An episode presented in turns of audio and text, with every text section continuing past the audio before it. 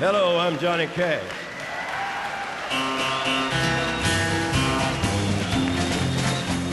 Han sagde sådan en generel ting, at vi spillede for de øh, indsatte i fængslerne, og så spillede vi i det hvide hus for kriminelle. Meget mange. I want to tell you about the three fellows that make the great sound behind me. Two of them have been with me for about 13 years. There's Marshall Grant. Mit navn er Jan Eriksen, og dette er en POV Mediano Music podcast. Jeg er kørt af Highway E20 til Ringsted for at besøge en af Danmarks største Johnny Cash entusiaster, Dennis Grejs Ly- Lyholm. Dennis har været med i Mediano Music før, og derfor ved jeg, at du er ikke så vild med, at jeg bruger ordet ekspert. Nej, det er jeg ikke. Jeg, jeg er vild med at bruge ordet entusiast, fordi at, øh, jeg synes, det, det er mere beskrivende i stedet for en ekspert. Og det er jo lidt øh, ligesom amatør, det er ren kærlighed til øh, musikken og til emnet, og den deler jeg rigtig, rigtig meget med, med andre, som også interesserer sig for Johnny Cash og historie. Der giver du mig jo et stikord, fordi den første podcast, vi to optog om Johnny Cash, fik desværre en noget dårlig lyd på grund af nogle tekniske problemer, men det er faktisk en af vores mest hørte. Og jeg har fået en håndfuld øh, opfordringer til at lave noget nyt om Johnny Cash. Og der er jo det ved det, at Johnny ville være fyldt 90 i år. Oven i det er der så åbnet et øh, nyt museum, Johnny Cash Museum i Randers. Man kan sige, at Johnny er flyttet ind hos sin gamle ven Elvis i Memphis Mansion. Øh, og hvis ikke jeg tager helt fejl, så var du derovre ved åbningen, er det rigtigt? Det er fuldstændig korrekt. Åbningen blev forårsaget af Thomas Gabriel, som er Johnny Cashes øh, ældste barnbarn. Og så selvfølgelig også med nogle af de her musikere, han spillede sammen med. Det er Roe, som var med på den sidste del af Johnny Cashes karriere fra øh, 92 frem til hans død. Og også været med på de indspilninger med de, øh, American Recordings. Og så var det øh, Carrie Marx, som øh, spillede guitar for Johnny Cash. Så det var nogle gutter, der kunne nogle øh, historier om Johnny. Og kunne Ja, og det, øh, det er jo fantastisk at få den her mulighed at, at snakke med nogen, som har været tæt på. Den sidste podcast, vi lavede, den handlede om American Recordings 1-6. Og da jeg spurgte dig, om du kunne tænke dig at være med igen, så var du ret hurtig med at foreslå de to mest populære hans fængselsalbum, øh, nemlig øh, det, der er optaget i Folsom Prison, og det, der er optaget i St. Quentin. I den første podcast, vi indspillede, der fortalte du øh, sådan rimelig grundigt om din indgang til Johnny Cash. Men jeg synes lige, vi skal gentage, at du jo stadigvæk faktisk øh, holder foredrag om Johnny, og spiller også lidt rundt omkring, ikke? Eller? Ja. Så jeg, jeg må nok øh, erkende, at jeg er professionel entusiast, når det så kommer til stykket. Jeg lever af at holde foredrag omkring Johnny Cash, hans virke og, øh, og hans musik, og øh, det er noget, jeg har brændt for i rigtig, rigtig mange år. Jeg forny, forsyner mig gerne med ny viden, så alt, hvad jeg kan støde på på selvfølgelig nettet, med, over de her nogle 30 bøger, jeg har, omkring emnet Johnny Cash, og jeg har ikke dem alle sammen, fordi Der, der, der findes ligger en jo... lille bunke her ved siden af, kan jeg fortælle. Ja. Inden vi øh, begynder at tale om det første af de to album, Johnny Cash at Folsom Prison, synes jeg, vi skal lytte til et af numrene, og det er en slags titelnummer, fordi det er det, der hedder Folsom Prison Blues.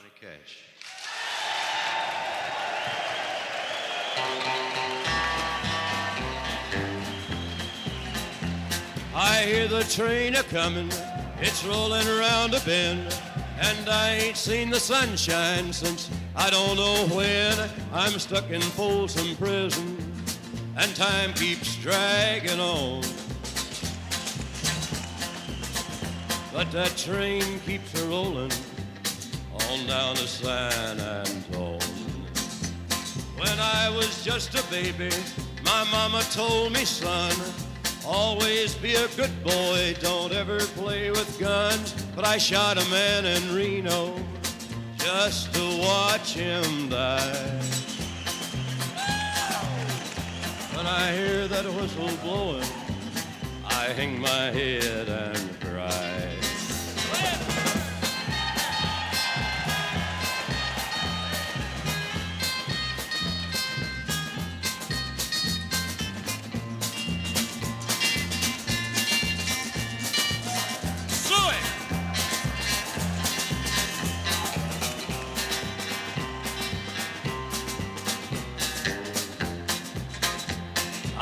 There's rich folks eating from a fancy dining car. They're probably drinking coffee and smoking big cigars. Well, I know I had it coming. Det, det er et øh, klassisk Johnny Cash-nummer med en meget karakteristisk øh, øh, togrytme, som der var i mange af hans, øh, jeg kalder det togrytme, som der var i mange af hans første sange.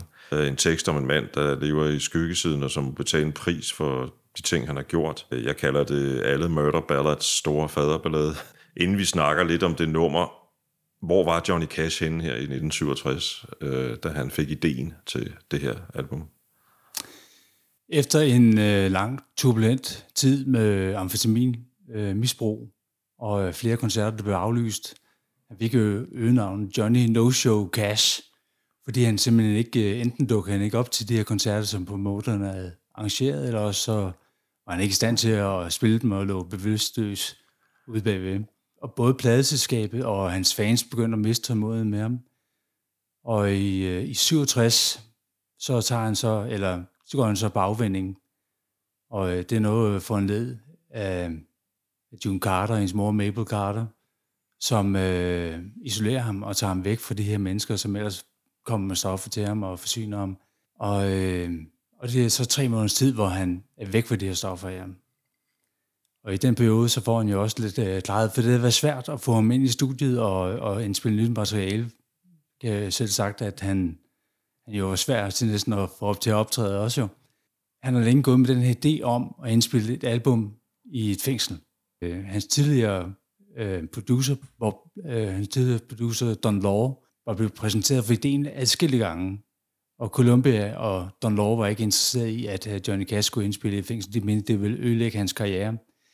Der sker så det i øh, slutningen af 67, at han så får en ny producer, og det er den ekscentriske og øh, armsvingende Bob Johnson, som, øh, som gerne fik lidt rundt med hans cigar. Og øh, Johnny Cash præsenterer ideen for ham, og han reagerer prompte på det, og ringer, mens de sidder sammen, så ringer han til St. Quentin-fængslet. Da de ikke tager telefonen, så ringer han videre til Fosenprisen. og så bliver det der, at koncerten skal være, for han med aftalen. Og de takker ja med det samme? Eller de takker ja med det samme. Ja. Men det er jo ikke nogen nye ting, at Johnny Cash har spillet i fængsel. Det har han faktisk gjort det siden 1957, og han har haft en, en speciel connection. Og rent faktisk i 1959, så, så sidder øh, Merle Haggard inden for væbnet røveri, og øh, har på ingen måde noget med musikbranchen at gøre. Da han oplever Johnny Cash, den her magi, han har i fængsel, og der beslutter han sig for at øh, ændre sit øh, liv og sin karriere øh, fra vaneforbryder til at, at blive musiker, og han bliver jo kæmpestor. Det må man sige, han er en af pionererne inden for outlaw country, ja. ligesom Johnny også er. Det, det var jo faktisk ret tidligt øh, i, i Johnny Cash karriere, endnu før han overhovedet havde fået en kontrakt med Sun Records, at han skrev sin første inmate fængsel-inspirerede sang. Ja. Uh, han, jeg tror, han havde set en film... Behind the Wall of Folsom Prison, og den har set. Ja. ja.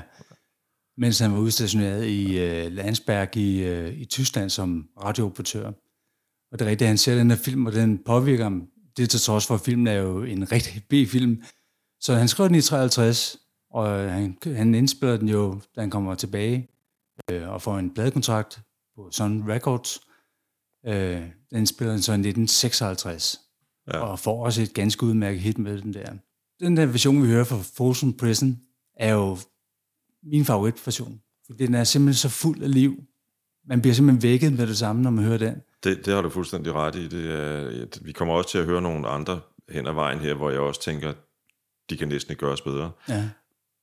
Det er besluttet nu, og Folsom Prison har sagt ja. ja. Hvad sker der så? Jamen, hvad sker der så? Jamen, Columbia Records øh, indstilling til, at Johnny Cash skal spille et album i et lukket fængsel, den er stadigvæk, det synes jeg ikke, han skal gøre. Så rent faktisk så ringer Clive Davis, som jo sidder der for, på Columbia Records, stor mand, direktør. Stor øh, legende. Stor legende og også. faktisk stadigvæk. Det gør han faktisk, ja. Der er jo lavet en meget interessant dokumentar om ham. Og øh, han ringer så til Bob Johnston og siger, hvis du tager Johnny Cash ind i fængslet, så er din karriere hos øh, Columbia Records færdig. og øh, altså hvis, det vil sige, hvis du ødelægger hans karriere med det her album her, mm. Nu de tog den chance, nu har det lovet, nu har det lovet Johnny Cash at indspille det der. Men det er jo rent faktisk Bob Johnston, der er øh, forgangsmand til øh, sætningen Hello, I'm Johnny Cash, fordi han opfordrer Johnny Cash til at komme ind og sige den sætning og gå i gang. Ja. Det er jo også fangernes øh, clue på, at nu øh, skal de øh, bryde jubel. Det blev han jo ved med, og faktisk havde jeg overvejet at starte den her podcast med at sige, hallo, ham Jan Erik, men jeg synes, det var lige patetisk nok. Ja.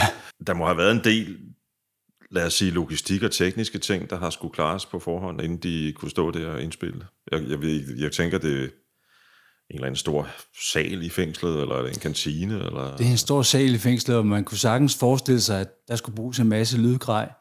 Men sandheden er, at det var var en simpel fire vores båndoptager og nogle mikrofoner, der udgjorde det her soundtrack. Der er jo noget med, at Folsom Prison Blues faktisk bliver, hvad hedder det, øh, censureret. Det er korrekt. I, I nogle versioner. Jeg kan ikke helt huske det, men det kan du jo fortælle mig. Ja. Jamen, det er rent faktisk sådan, at den udkommer på, øh, på single. Først udkommer den som en ganske almindelig single, altså så radioen får den her white label øh, single ja, med sige, Prison Blues. Dennis sidder og holder singlen ja. i hånden lige her. Ja. Columbia Records gør ikke utrolig meget ud af, at, øh, at det her album egentlig skal promoveres og så videre. Til at starte med bliver den ikke spillet på country-radioerne. Den bliver derimod spillet på undergrundsradioerne, hvor de unge mennesker sidder og lytter. Øh, og der er en i fint selskab, den kære Johnny Cash, øh, Jimi Hendrix og Creedence. Og der toner han jo frem og får de her unge menneskers interesse, fordi der også er noget bip-lyd i øh, censuren. Og rent faktisk, grund til, at den bliver censureret, er netop fordi i 68 har der jo været lidt, øh, kommer der lidt skyderier. Martin Luther King Jr. og øh, Robert Kennedy. Ja, det, man kan jo sige, Bliver skudt. de bliver skudt begge to Ja. med ret kort imellem, eller ret kort mellemrum. Og, Ja. og ja, det er jo ikke bare lidt skyderier, det er jo sådan, det er en af de største begivenheder i USA's historie. Ja. Øh, de to mor, ikke? Øh, Og det er sammenholdt med, at øh, der begynder at komme bodybags i fjernsynet med amerikanske soldater, som bliver skudt i Vietnam. Så, øh, så på den måde, så derfor bliver den her sætning, I shot a man in Reno, simpelthen kortet ud. det, det er jo også så. en kontroversiel linje. Det er det, ja. Just to watch him die, ikke? Ja. Sådan, ja.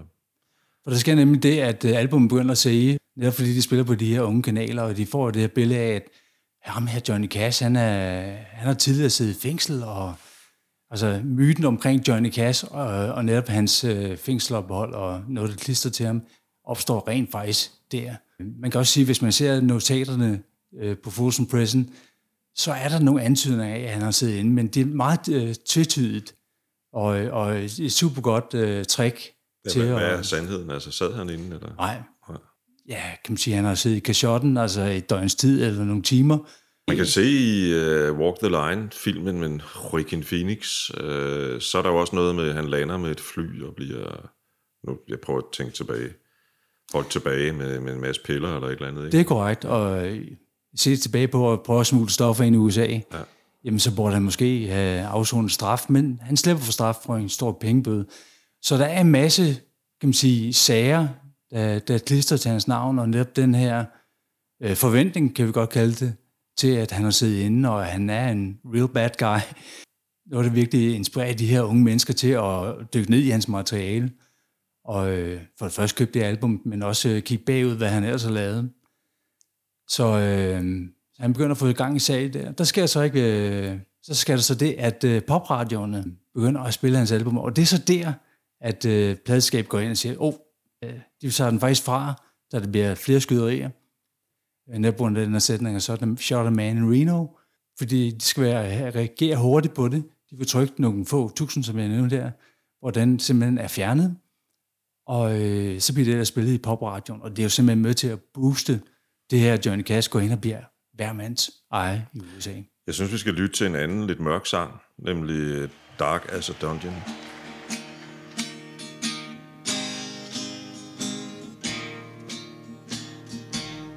Oh, come all you young fellers, so young and so fine.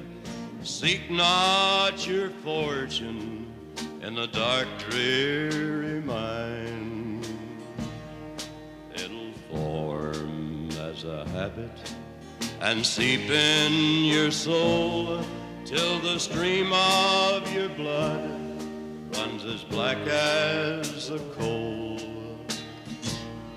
Where it's dark as a dungeon, damp as a dew. Danger is double, pleasures are few. Where the The sun never shines. It's dark as a dungeon way down in the mine. Well, it's many a man that I've seen in my day. no laughing during the song, please. His whole, it's been recorded, I know, hell. Det, det jeg kan sige om Dark as a John Dungeon, det er jo, at han, han sidder rent faktisk og, og glemmer teksten og begynder at grine. Og det, det er jo sjovt, at det er taget med, øh, fordi at, at hele det album her er så råt. Også i de her øh, vage sange. Han spillede jo to koncerter øh, den dag. Øh, en kl. 9.40 og en kl. 12.40. Og faktisk det, man hører på øh, Johnny Cash at Folsom Prison, som er det album, som udkommer i 68, er, størstedelen af det er faktisk fra den første koncert. Der er kun to numre. Give My Love to Rose og øh, I Got Stripes, som er klippet ind fra den anden koncert. Men det viser jo også, at han har virkelig energien og, og det her nærvær med de her indsatte. Så det, det er ja, jeg skulle lige til at sige, det er en utrolig fængslende plade. Altså, der er jo en helt, der er nemlig, som du selv siger, der er en helt speciel live-stemning, og det er vel også en af, jeg ved ikke, det er nok ikke den vigtigste årsag til pladens popularitet, men det er der en af dem i hvert fald, ikke, at man kan fornemme, at man er til stede. Der er jo flere medvirkende på den her plade, øh, som man kan høre, det er jo ikke bare Johnny. En anden fjerdedel af The Million Dollar Quartet, nemlig Carl Perkins. Det er rigtigt, han er, han er med der.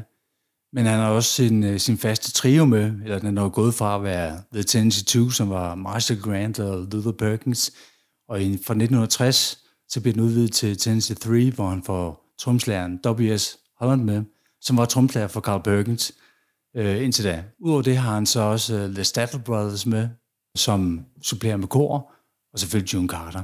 Jeg, jeg er lige nødt til at, undskylde, jeg afbryder dig, Dennis, men, ja. men jeg er lige nødt til at sige til vores lyttere, Dennis har faktisk indspillet sammen med Holland. Ja. I, var det i Sundstudiet, ikke? Det er Sundstudiet. Det legendariske Sundstudie. Ja. Det må da have været specielt. Altså. Jamen det er specielt, fordi at i mange år stod jo studiet jo faktisk hengemt, og var, blev ikke restaureret eller noget som helst andet. Så når man står derovre og kan se tre krydser i gulvet, et, hvor Elvis, Elvis skulle stå i forhold til mikrofonen, og et, hvor øh, Bill Black skulle stå, og så et, hvor Scott Moore skulle stå, for at de fik de her øh, indspilninger korrekt med lyden. Så bliver man altså, og de her papæsker, der nærmest er på loftet for at, at indkapsle lyden, det er fantastisk. Normalt så fungerer det som et øh, museum i dagtimerne, og efterfølgende om aftenen kan man få lov til, hvis man er heldig, og simpelthen lege det som studie. Ja, hvis man har ja. penge også, ikke? fordi det koster jo. jo også noget selvfølgelig. Det gør det selvfølgelig. Ja. Og der blev indspillet vi som med W.S. Holland, som selvfølgelig havde været der rigtig, rigtig mange gange før. I og for sig, han var tromslærer for, øh, for Carl Perkins. Han fungerede som øh, studiemusiker øh, over i sådan studie, og selvfølgelig også som tromslærer for Johnny Cash. Og W.S. Holland, han var også i studiet den dag, da der var en session med Carl Perkins, hvor han havde Jerry Lee Lewis med på klaver, og øh, ind kommer Elvis af døren, og så tænker Sam Phillips jo hurtigt, vi skal have fat i Johnny Cash.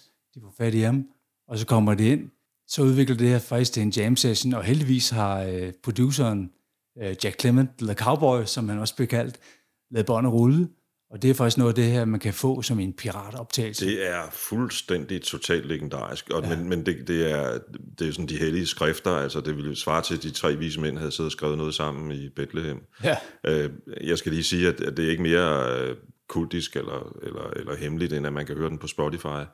Jeg skal lige spørge dig, talte du med Holland om, om øh, de her to fængselskoncerter, da du nu mødte ham? Ja, det gjorde jeg. At som entusiast, nu nævner jeg det igen, eller som fan af Johnny Cash og historie, så var jeg simpelthen nødt til at spørge ind om nogle ting. Men han sagde sådan en generel ting, at vi spillede det øh, indsatte i fængslerne, og så spillede vi i det hvide hus for kriminelle. Meget rammende. Jeg synes lige, vi skal lytte til en uh, ballade, nemlig I Still Miss Someone. They'll probably take that word out of it.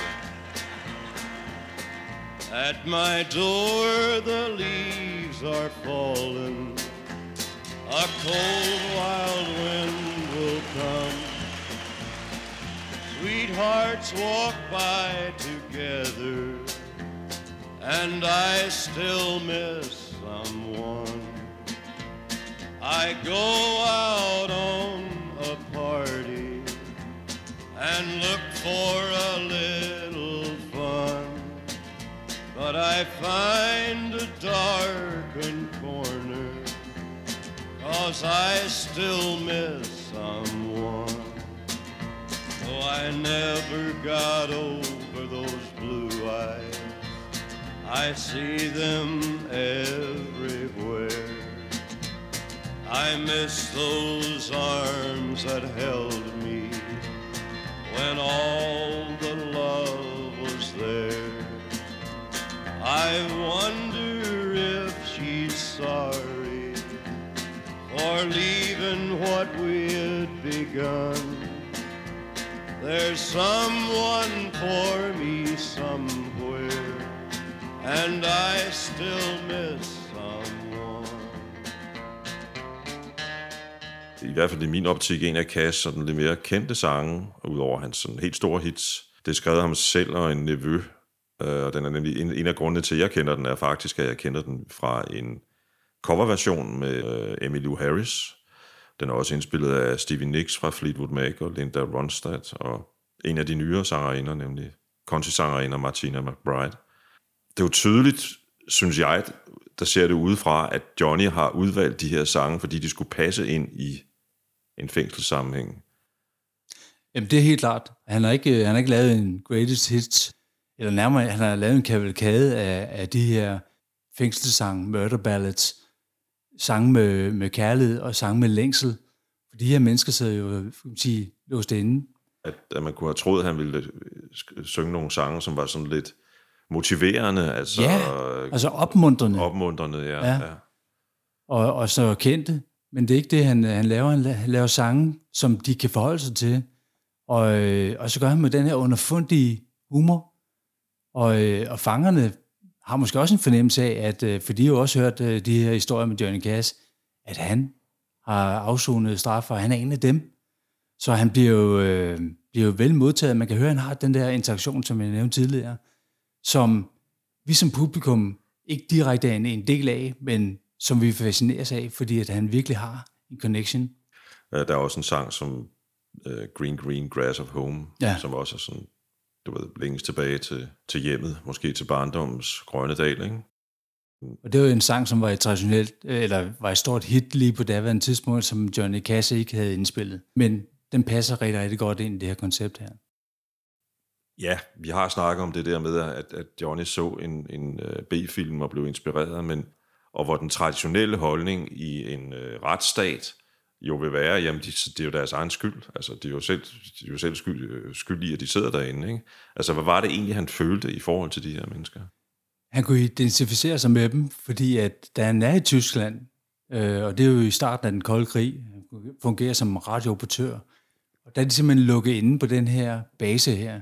De må ikke forlade den. Så der er meget sådan strenge ting der. Så han føler sig for rent faktisk fængslet. Der er også situationer, hvor han lige pludselig øh, kaster med høretelefonerne og slår til mikrofonen og lidt af hvert, fordi han bliver så frustreret over øh, at være, så at sige, låst inde. Og det er jo deraf, at han lige pludselig, altså han kan bare mærke det på egen krop, det der med at, at være lukket ud for samfundet. Så det er, det, det er, at inspirationen måske kommer til Frozen Prison Blues ud over den her film her. Der er sådan en diskussion, som, som jeg har stødt på i hvert fald øh, tidligere, øh, Øh, som tager udgangspunkt meget i de her øh, fængselsplader, nemlig om, hvorvidt Johnny Cash egentlig var protestsanger. Det var et begreb, der sådan var meget op i tiden dengang i 60'erne. Var han det? Det vil jeg jo faktisk godt påstå, at, at han var. Han, han sang øh, omkring øh, fangernes øh, forhold og, øh, og fik sat fokus på det. Han sang jo også omkring øh, det oprindelige folk i USA, indianerne, og omkring deres historie fik sat øh, fokus på det. Så han var jo, øh, han var jo øh, i virkeligheden en protestsanger. Det, det, det forbinder ham med, man ikke har med, fordi at tit og ofte bliver han sat i kategorien, han er country musik, og der findes protestsanger jo ikke.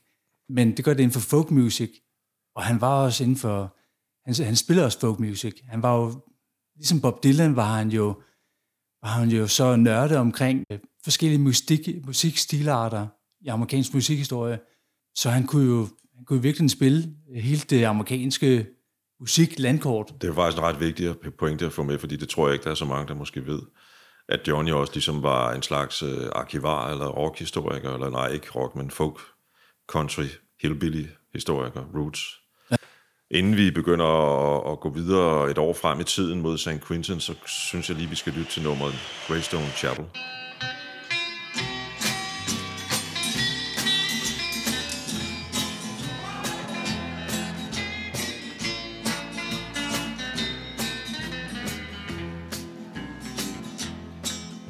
Inside the walls of prison, my body may be, but my Lord has set my soul free. There's a gray stone chapel here at Folsom, a house of worship in this den of sin.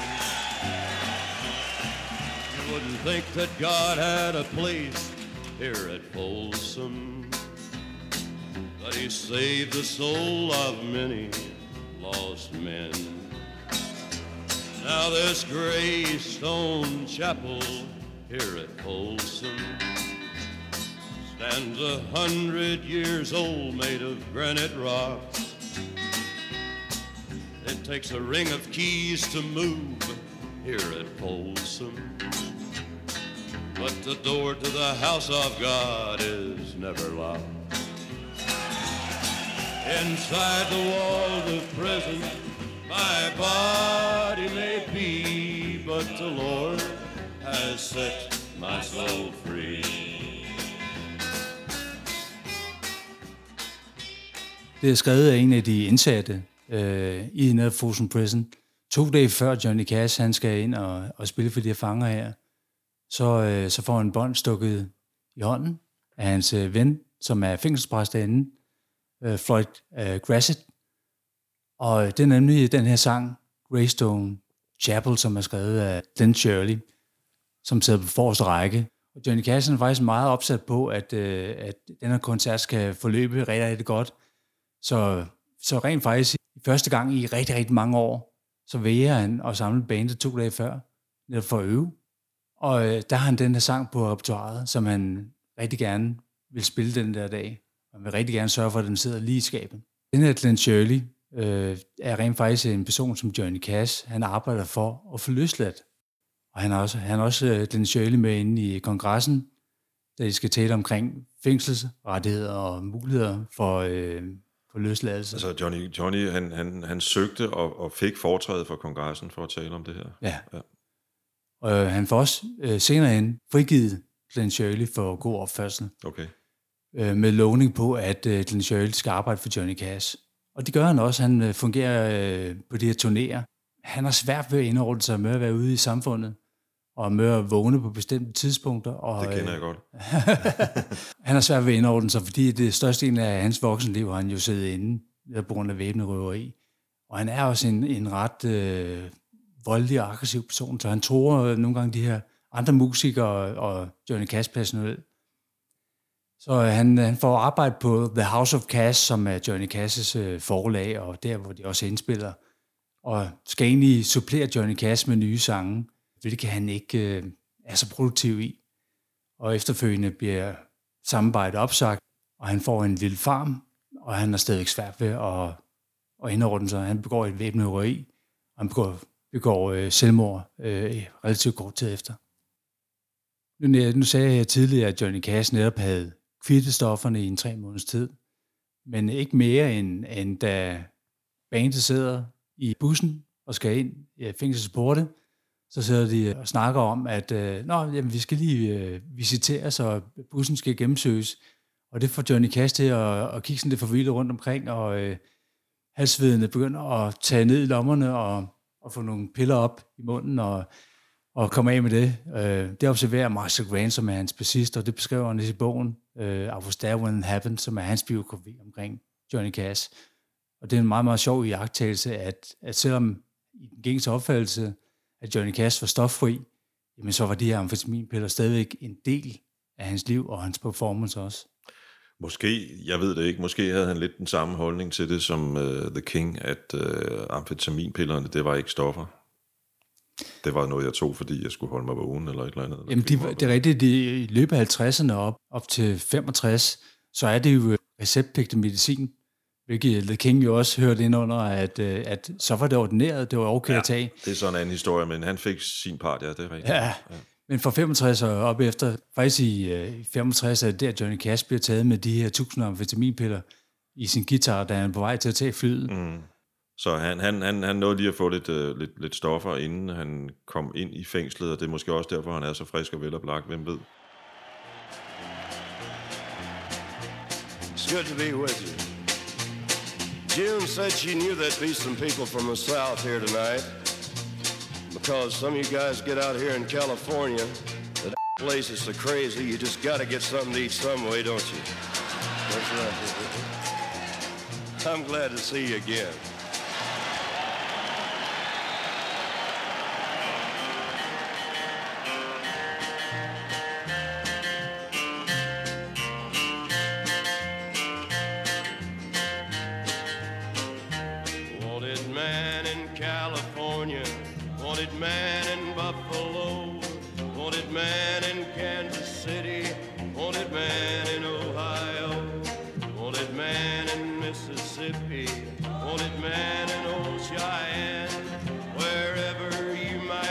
Tonight, you might see this wanted man. I might be in Colorado or Georgia by the sea, working for some man who may not know at all who I might be. If you ever see me coming, and if you know who I am, don't you breathe it to nobody, cause you know I'm on the lamb. Wanted man by Lucy Watson, wanted man by Jeannie Brown, wanted man by Nellie Johnson, wanted man in this town. Det vi lige lyttede til, det var Wanted Man, som er et af numrene fra øh, det album, som Johnny Cash optog i St. Quentin. Og som du var lidt inde på i begyndelsen, der er jo noget andet lyd på det her album. Absolut. Jamen, lyden er, er klart anderledes. Der er flere spor til at optage på, og der, det er vel, meget mere velforberedt. Jeg skal lige sige historien til, at, øh, at de laver, at St. Quentin er jo netop, at øh, der var en, en vis forventning om efterfølgende, at Johnny Cash skulle lave en Folsom Prison 2. Men det var han ikke interesseret i. Granada TV, som er en britisk øh, tv-station, og som har lavet koncertoptagelser med Doors og The Who og andre, øh, lavede en forspørgsel på at lave Johnny Cash at øh, Folsom Prison som tv-optagelse og dokumentar. Og det får de et nej på, med beskeden om, at Johnny Cash er ikke interesseret i at lave en indspilning i Folsom Prison igen. Så spørger de, jamen, kunne han så ikke indspille i et andet fængsel? Og det, øh, det går Johnny Cash med til. De har et efterfølgende job i St. Quentin, så det bliver der. Men øh, alligevel et par dage før, så får han den der, oh, der, der kommer tv på, der kommer opmærksomhed. Så han begynder igen at samle bandet. De skal jo op til det her. Han skriver rent faktisk en sang, som hedder for titlen St. Quentin, som han jo øh, opfører på selve dagen. Og den sang er jo, kan man sige, noget, som virkelig får de her fanger til at reagere momentant. And I was thinking about you guys yesterday. And I'd been here three times before, and I think I understand a little bit how you feel about some things. It's none of my business how you feel about some other things, and I don't give a damn how you feel about some other things. But anyway, I tried to put myself in your place, and I believe this is the way that I would feel about San Quentin.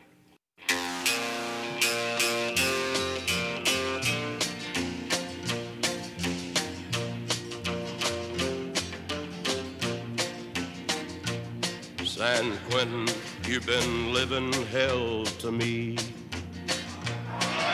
You blistered me since 1963. I've seen 'em come and go, and I've seen 'em die. And long ago I stopped asking why. San Quentin, I hate every inch of you. You cut me and you scarred me through and through.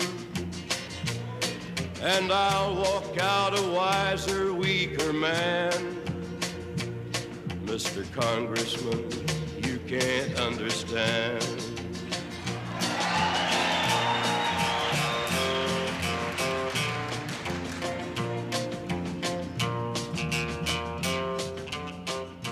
Og det er jo også en af hans allermest populære sange, faktisk. Altså, den gik jo hen og blev et kæmpe hit. Og det er klart, at, at det er jo ikke så svært at sætte sig ind i, hvordan det må have føltes for dem, der sad der og måske skulle tilbringe 16 eller 25 år i et fængsel.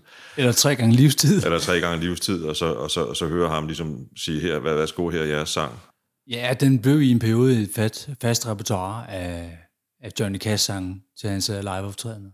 Og det er jo en sang, som, som ligesom Folsom Prison er kraftigt forbundet med netop fængselssangen. Jeg vil sige, når jeg holder foredrag, og det, meget ofte er det jo blandt et publikum, som jeg betegner som værende det grå guld, og dem, som var unge dengang, da, da det album Ja, udkom. som kan huske dem fra. Ja. Ja, som Jeg spørger de også. altid, spiller du St. Quentin? Og ja, det gør jeg.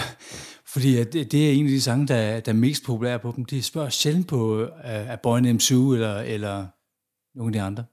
Hvis vi skal snakke lidt om forskel og ligheder mellem de to koncerter, jamen, den oplagte lighed er naturligvis, at de foregår i et fængsel. Forskellen er blandt andet, at der er lidt anderledes lydforhold, men, men er der ikke også en slags større jomfruelighed måske i udtrykket på, øh, på Folsom Prison, fordi det er simpelthen første gang, han gør det med, med Nick Cash. Der var aldrig nogen artist, som havde indspillet et album i fængsel. Så Johnny Cash gik hen og blev den første. og Det er jo så med til at gøre det her album enormt populært, fordi vi kan jo sagtens tage andre album fra den tid jo, som, øh, altså, som Sgt. Pepper, eller som Pet Sounds, øh, øh, Beach Boys, som jo er, er vildt eksperimenterende i lyden, og, og friske, og, og har haft 128 spor at indspille på. Øh, hvorimod de her, det er fire spor, det er gammelt materiale. Øh, der er ikke noget nyt i det, andet Nej. end, end det her, den, her, den her intime koncert. Altså det, det er jo i virkeligheden øh, nuet, der bliver indfanget, øh, og stedet, der bliver indkapslet med den her koncert her. Jeg synes, vi skal lytte til Starkville City Jail. Well, I left my motel room down at the Starkville Motel. The town had gone to sleep and I was feeling fairly well. I strolled along the sidewalk neath the sweet magnolia trees. I was whistling, picking flowers, swaying in the southern breeze. I found myself surrounded. One policeman said, That's him. Come along, wildflower child, don't you know that it's 2 a.m.? They're bound to get you, cause they got a curfew. And you go to the Starkville City Jail. Well, they threw me in the car and started driving into town. I said, What the hell did I do? And he said, Shut up and sit down. Well, they emptied out my pockets, took my pills and guitar picks. I said, Wait, my name is all shut up. Well, I sure was in a fix. The sergeant put me in a cell, then he went home for the night. I said, Come back here, you so and so. I ain't being treated right. Well, they bound to get you, cause they got a curfew. And you go to the Starkville City Jail. I started pacing back and forth, and now and then I'd yell and kick my $40 shoes against the steel door of my cell. I'd walk a while and kick a while, and all night nobody came. Then I sadly remembered they didn't even take my Den name. eneste selvbiografiske sang, som Johnny Cash har skrevet omkring et fængselophold. Okay.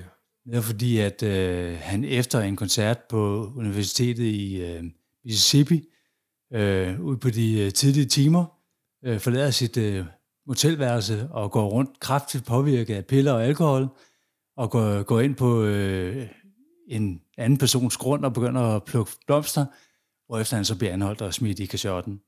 Og øh, der får han ellers lov til at stå ved sin 40 dollars øh, støvler og banke på døren, eller sparke på døren, indtil tågen siger knæk, øh, fordi at han, han har svært ved at bære- mærke sin egen grænse netop på grund af de- af de her piller, som mm. han er påvirket af. Så den er selvbiografisk. Den er selvbiografisk. Der er jo noget med et, øh, en af de her mange, sådan, hvad kan man sige, ikoniske ting omkring de her koncerter. Det er et foto af Johnny, hvor han giver Langmand til, øh, jeg tror det er til en, en filmfotograf, er det ikke? Fra det her britiske tv-selskab. Ja, det, det historien har været, og det er jo det er altid ret med gode historier, at, Ja, det, det- er, at, det er den, derfor, vi laver at det er taget under selve koncerten, men rent faktisk, så, øh, hvis man ser på billedet, så har han, i stedet for et jakkesæt, som han har på til koncerten, så har han en af de her fængselsdragter på. Øh, og det, det har han på, hvad han, de, San Quentin har lavet en, en dragt til ham, hvor der står cash på. Og det er så den, han har på, øh, da de øver. Så der er et eller andet fjoller rundt, før han fjoller lidt rundt med den her dragt her, og, og den her finger øh, flipper sig ud. Ikke? Altså Jim Marshall, han var jo hyret til at tage billeder til den her koncert. Så han har taget billedet, som øh, er ja, et ikonisk foto.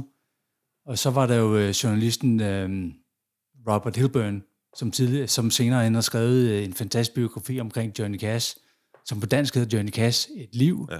hvor han krydsbinder de her forskellige dokumentarer, der, eller de her biografier, der er lavet omkring ja, det, det, Men den her den øh, myte der om, at det er under koncerten, den er nu skudt ned. Jeg er ked af det. ja, det var et faktatjek midt i podcasten her, ja. og det er kun godt. Ja. Men har jeg ret i, at der havde været noget, noget ballade, eller hvad skal man sige, noget debat på forhånd om, hvad han måtte synge inde i San Quentin? Altså, der, jeg læste et sted, at, at der var nogen, der knyttede nogle betragtninger til, han siger et eller andet i retning af, I'm here to do what you wanna hear, eller sådan noget. Det, det han knytter kommentar til, det er i forhold til, at, at øh, Granada TV, øh, det siger han jo under koncerten, I'm here to do what you want, and what I do want, want to do. Og, og det er knyttet til, at Granada gerne vil have, kan du så ikke spille den her sang og gøre sådan og sådan? Hvor Johnny Cash, øh, han er for at gå øh, fangerens ærne og spille en koncert for dem, og spille den koncert, han har lyst til at spille for dem. Så, øh, så det er rent faktisk det, det bygger på, at, at det er ikke noget, der er produceret til at være sådan, eller det er det jo i princippet, fordi det er Johnny Cash sidder og producerer det undervejs, og, eller har nærmest haft det på dage til at forberede det. Og det er også en af de forskelle, man kan høre på, øh, på netop Frozen Prison albumet, og så St. Quentin. Frozen Prison er lidt mere øh, rådet, og bandet er ikke lige så tight. Men på St. Quentin er de virkelig, virkelig tight. Og han har jo også fået øh, The Carter Family med som, øh, som kor. Der er også en væsentlig forskel mellem de to album, fordi på det første, det er det sidste album, med den originale guitarist, Luther Perkins. Han dør i 68, mm, hvilket jo øh, slår hårdt på Johnny Cash, og Luther Perkins er utrolig essentiel for, for den lyd.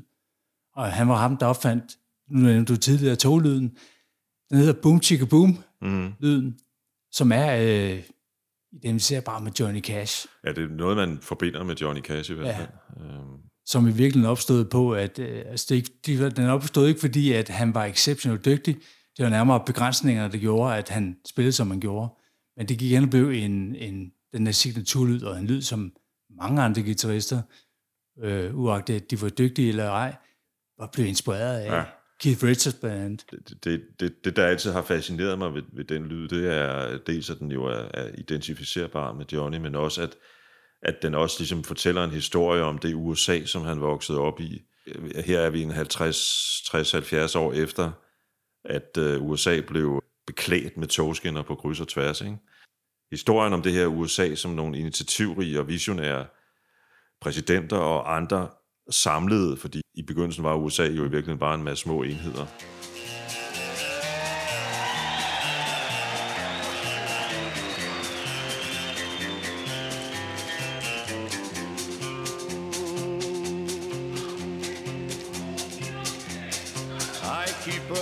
Close watch on this heart of mine.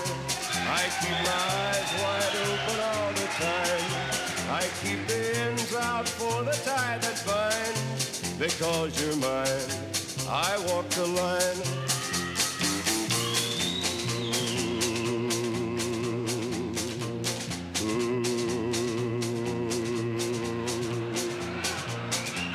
I find it very, very easy to be true.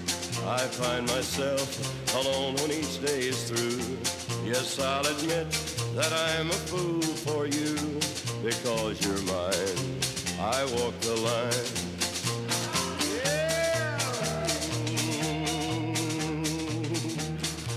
As sure as night is dark and day is light, I keep you on my mind both day and night. And happiness I've known proves that it's right because you're mine. I walk the line. Mm. You've got a way to keep me on your side. You give me cause for love that I can't hide. Altså, vi ved jo, at Johnny på det her tidspunkt havde vendt sig mod Gud. Meget inspireret af Carter-familien, specielt uh, June og hendes mor tror du, det her er en form for bodshandling fra, øh, fra hans side, at han, at han ligesom vil vise sin Gud, at øh, altså en eller anden ydmyghed, som velgør? Det kunne man godt forestille sig. Jeg tror, at det handler om medmenneskelighed i langt større grad. Men altså, hvis Jesus siger elsk til næste som dig selv, så, så er det her jo også en rituel handling for at, at gøre noget målrettet hen mod at, at hjælpe de næste. Det er jo ikke nogen hemmelighed, det har du allerede fortalt, at begge plader blev kæmpe hits, og specielt San Quentin. Ja. Den er, øh, som jeg husker det, den mest solgte plade i, øh, i hvert fald i USA, ikke? I det år, den udkom. På Verdensplan. Ja. På verdensplan 1969 Ja, i er 1969, Johnny, Johnny Cash den mest sene artist i hele verden. Ja, altså det, vi taler mere end Rolling Stones og Beatles, for eksempel. Ja, og han siger faktisk mere end, end sammenlagt de andre kunstnere, altså hvis man lader alle de andre kunstnere sammen på Columbia Records. Og det er jo Paul Simon, Simon Garfunkel og hvad du ellers, Miles Davis og hvad du ellers har der. Jeg ser han mere end dem sammen. Det er vildt. Altså, ja. vi skal så lige få med, at Simon og Garfunkel fik taget hævn med Bridge Over Troubled Water et par år senere, ikke? men alligevel, øh, hvorfor blev de her plader så sindssygt populære? Jamen det, er, det, er det fanger et stykke, øh, ikke blot musikhistorie, men et stykke historie fra altså 1969 og, og 68. Det er altså, vi har en mand, der er vokset og groet ud af sydstatsmiljø, som, altså han var jo country og western sanger, som man kaldte det dengang. En konservativ del af USA, hvor man ikke er så meget for forandringer, og alligevel tager man jo det her til sig. Det fascinerende er, at, at han, han stadigvæk opretholder sin credibility i, sit, øh, i sin baghave, ikke? samtidig med, at han også når, når længere ud, som vi talte om, både mod øst og vest. Og, og, og, og hvorfor, hvorfor, hvorfor, hvorfor skete det? Jamen, det er der jo måske ikke rigtig nogen, der har nogen forklaring på, men, men jeg har tænkt lidt over, altså på det tidspunkt, hvor vi har en ungdom, der, der forlanger forandringer og nedbryder konventioner og normer. Vi har borgerrettighedsbevægelsen, de her hippier, der får stor indflydelse. De var måske ikke så mange, men de får stor indflydelse. Vi har en Vietnamkrig. Øh, der har vi den her mand, som på en eller anden måde gør USA opmærksom på nogle øh, grundlæggende amerikanske værdier, måske. Men det er også mennesker, som han jo, og det tror jeg er en af grunden til, at jeg spurgte om før, hvorfor blev de her album så store? Han var med til at samle amerikanerne på tværs af, af generationer, og, og på tværs af, af altså geografisk af landet. Øh, USA var, var jo i splittelse der, ikke? Altså der var jo mange, mange protester mod Vietnamkrigen, og, og der var øh, den sorte bevægelse også øh, omkring deres øh, rettigheder, øh, borgerrettigheder. Og så var der jo andre, der demonstrerede, ikke? og der var virkelig meget uro. Og han kunne samle de her, kan man sige, til trods for ideologier og alder og øh, geografisk placering, kunne han samle de her mennesker her. Mm. Og øh, efter Folsom Prison album, så får han jo også sit eget tv-show, hvor han yderligere mere kan, kan samle de her generationer. Og, øh, og så, så eksploderer det jo fuldstændig med St. Quentin, da han udsender det. Øh, men det var aldrig blevet til noget, St. Quentin var aldrig blevet til noget, hvis det, vi ikke havde haft Folsom Prison, som jo er et essentielt album. Mm. Hvad gjorde de her to plader for Johnny? Altså, du, nu har du selv nævnt, at han fik et tv-show, men udover det? Jamen, altså udover at være, være kæmpestor amerikansk stjerne, så blev han jo superstjerne, øh, international superstjerne. Og efterfølgende besøgte han jo også Danmark i 1971, hvor der i øvrigt findes en ganske fin koncert fra Danmarks Radio. Som jeg husker det, og nu siger jeg, som jeg husker det, der havde de vist ikke helt gjort, ligesom med Folsom Prison, med at forberede det. Jeg tror bare, at Johnny og Carter-familien og hans musikere, de dukkede simpelthen op. Altså, du ved, øh, ultra kort tid før, at de skulle i gang. Men ja. det sad jo også i altså, ryggraden. I den periode, der optog de jo det her Johnny Cash Show i Ryman uh, Auditorium i uh, Nashville. Mm. Og der, der øvede de hele dagen, og, og nærmest indspillede et show for, at det indspillede det rigtige show om aftenen. Så, øh, så han var vant til, at, øh, at de først lavede sådan en prøve, prøveoptagelse. Og det var egentlig hans opfattelse af, at den koncert, vi ser, han havde den opfattelse af, at det var bare en, en prøveoptagelse. Så man kan jo se en Johnny Cash, som er enormt afslappet og, og hygger sig. Så efterfølgende, han får, øh, får at vide, at vi er færdige, så tror han ikke på det. Øh, så han er nødt til at få set de optagelser her, og, og er vildt imponeret over, at de kunne fange det i første hug. Det sidste nummer, vi skal lytte til, det er A Boy Named Sue, som jeg vil kalde et af rockhistoriens mere akavede hits. Hvor kom det fra? Det kom fra Shel Silverstein, og Shel Silverstein, han skrev jo også 25 Minutes to Go, som jo han har med på Frozen Prison-albummet. Ja, og som vi kender med Paul Dissing her. Ja, præcis. Men så Boy Named Sue, ja, få uger før, at, han, øh, at Johnny Cash spiller i, uh, i St. Quentin, der er han hjemme hos uh, Johnny Cash, fordi Johnny Cash arrangerer nogle sangskriveraftener.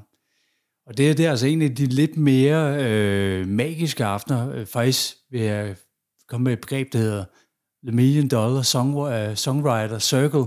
Har du hørt om det? Nej. Nej. Hjemme hos ham uh, sidder uh, nemlig Shel Silverstein, Bob Dylan, Chris Christopherson, Johnny Mitchell og Graham Nash.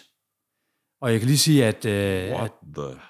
Ja, what the... Ja. Og de sidder jo i, uh, i Johnny Cash's hus ved Hickory Lake med fin udsigt og det hele der, og hygger sig og præsenterer sange, som de lige har skrevet, eller, eller som, som de lige har arbejdet færdigt med.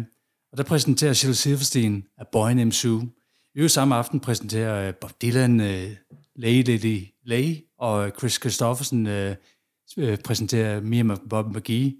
John Mist spiller Both Sides, uh, Both Sides Now. Og så uh, Graham Nash, han spiller Marrakesh Express. Der er ikke nogen som helst mulighed for, at det var optaget, eller er optaget? Uh, Nej, og jeg ved, ikke, jeg ved ikke, om der findes en, en direkte portal til, at man kunne komme tilbage der i, uh, i 69, da det altså, her det sker. Jeg vil... Uh jeg vil, jeg vil træde ned der. Først skal jeg lige se der, hvor The Beatles besøger Elvis, øh, men så kommer jeg hen til den der bagefter. Det er sikkert. så en magisk aften. Men ja. på selve dagen for sin optræden der, så er Boy Named Sue ikke planlagt til, at de skal spille den. Men han sidder med sin øh, papir, Johnny Cash, og June Carter har faktisk lagt den her sang ned i. Johnny Cash finder en vej, da han sidder, da han sidder og bladrer det papir her, og tænker, jamen, den prøver jeg. Øh, han kunne huske den, og synes, den var sjov. Så man kan også godt høre, at han, han fører sig lidt mere slavisk til de her papirer, da han sådan synger den. Øh, men fangeren reagerer jo virkelig, virkelig positivt på den. Det skal lige sige, at da han går i gang med at spille den, øh, der bandet kigger rundt på hinanden, Det aner ikke, hvad han, skal, han går i gang med. Han siger bare, at de skal catch up. Og der fortalte W.S. Holland, han sidder der bagved med trommerne, og han kan ikke høre, hvad, hvad det er, der sker. Altså han kan høre, at de går i gang med at spille, og så kan han høre, at, at øh, publikum hygger sig og morer sig og, øh, og griner af det. Så han sidder i virkeligheden bare og, og indspiller noget, som går hen og bliver et kæmpe, kæmpe hit, uden han ved det. Nu sagde jeg, at det var en akavet sang, hvad det også er, men i virkeligheden har den jo en meget sjov pointe, teksten. Ja, det er jo netop, at han møder sin far. Og, øh, og, drengen, som er blevet opkaldt. Ja, præcis, og han har så meget had til den her mand. Han vil, altså, my name is Sue, how do you do? Now you're gonna die. Og så springer det jo på hinanden, og der, der over flere vers udspiller sig den her enorme, øh, det her enorme slagsmål, som øh, må sige hvad, sige at være historiens øh, vildeste slagsmål. Det ender så med, at, øh, at hovedpersonen Sue trækker sin pistol og står og sigter der på faren. Og faren, mod al forventning, øh, har et kæmpe smil, fordi han er stolt over at se, at sin søn er blevet altså mandet sig op, fordi at han, øh, da han tog afsted der, da, da drengen var tre år, så vidste han jo, at han ville gro op uden at have ham omkring sig. Men han ville simpelthen give ham hård hud, og, og det her enorme had til at drive ham fremad, og det skulle være det had, der holdt de her mennesker, der grinede af ham væk, og, øh, og gjorde, at han var i stand til at klare sig selv. Og den mission, den lykkedes jo på en, kan man sige, kontroversiel måde. Det er nok ikke en form for pædagogik, man underviser i på diverse seminarer rundt omkring, men, øh, men det, er, det, er en sjov, det er en sjov pointe. Der er lige en ting, jeg synes, vi skal have nævnt, inden vi øh, slutter. Det er faktisk to. Dels fortalte du jo om dit øh, ophold i Sonstudiet, hvor du indspillede noget musik. Vi skal lige have med, at det faktisk var med din daværende gruppe, Johnny Horsepower. Og kan man høre jeres musik på streaming? Tjenesterne? Man kan høre det på Spotify, og der er også fire numre fra, øh, fra det album, som vi indspillede netop inde i øh, Sun Studien. Det var jo 1, 2, 3, 4, og så spillede vi. Så øh, der var ikke særlig meget øh, forberedt. Men det var en kæmpe oplevelse at indspille med W.S. Holland, som må sige at være rockhistoriens første tromslærer, fordi at han kom jo i studiet med Carl Perkins, som kom lige efter Elvis. Elvis var der ikke trommer på, og Carl Perkins stod i studiet, der havde han W.S. Holland med, så han blev rockmusikkens første tromslærer. Ja, og som jeg nævnte indledningsvis, så ville Johnny Cash være fyldt 90 i år.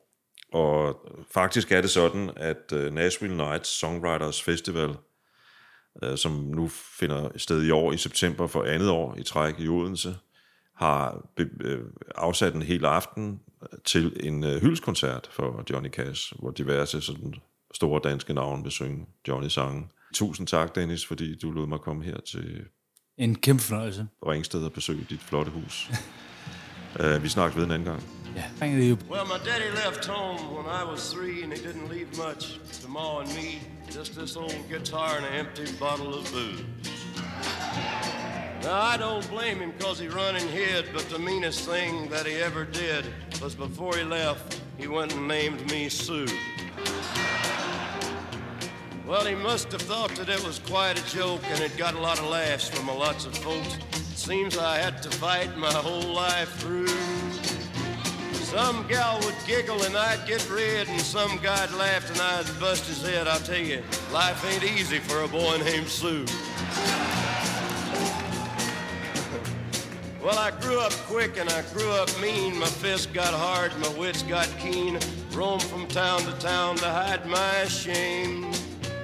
But I made me a vow to the moon and stars I'd search the honky tonks and bars and kill that man that gave me that awful name. Well, it was Gatlinburg in mid-July and I'd just hit town and my throat was dry. I thought I'd stop and have myself a brew. At an old saloon on a street of mud, there at a table, dealing stud, sat the dirty mangy dog that named me Sue. Well, I knew that snake was my own sweet dad from a worn out picture that my mother'd had, and I knew that scar on his cheek and his evil eye. He was big and bent and gray and old, and I looked at him and my blood ran cold, and I said, My name is Sue. How do you do? How you gonna die? Yeah, that's what I told him. Well, I hit him hard right between the eyes, and he went down, but to my surprise, come up with a knife and cut off a piece of my ear. But I busted a chair right across his teeth, and we crashed through the wall and into the street, kicking and a gouging in the mud and the blood and the beard. I tell you, I've fought tougher men, but I really can't remember when. He kicked like a mule and he bit like a crocodile. I heard him laugh and then I heard him cuss and he went for his gun. I pulled mine first. He stood there looking at me and I saw him smile. He said, son, this world is rough and if a man's gonna make it, he's gotta be tough. And I know I wouldn't be there to help you along. So I give you that name and I said goodbye. I knew you'd have to get tough or die. And it's that name that helped to make you strong. Yeah. He said, now you just fought one hell of a fight. And I know you hate me and you got the right to kill me now. And I wouldn't blame you if you do. But you ought to thank me before I die for the gravel in your guts and the spit in your eye. Cause I'm the that named you Sue. Yeah, what could I do? What could I do? I got all choked up and I threw down my gun, called him a paw and he called me a son, and I come away with a different point of view. And I think about him now and then, every time I try and every time I win. And if I ever have a son, I think I'm gonna name him Bill or George, anything but Sue. I still ain't that man.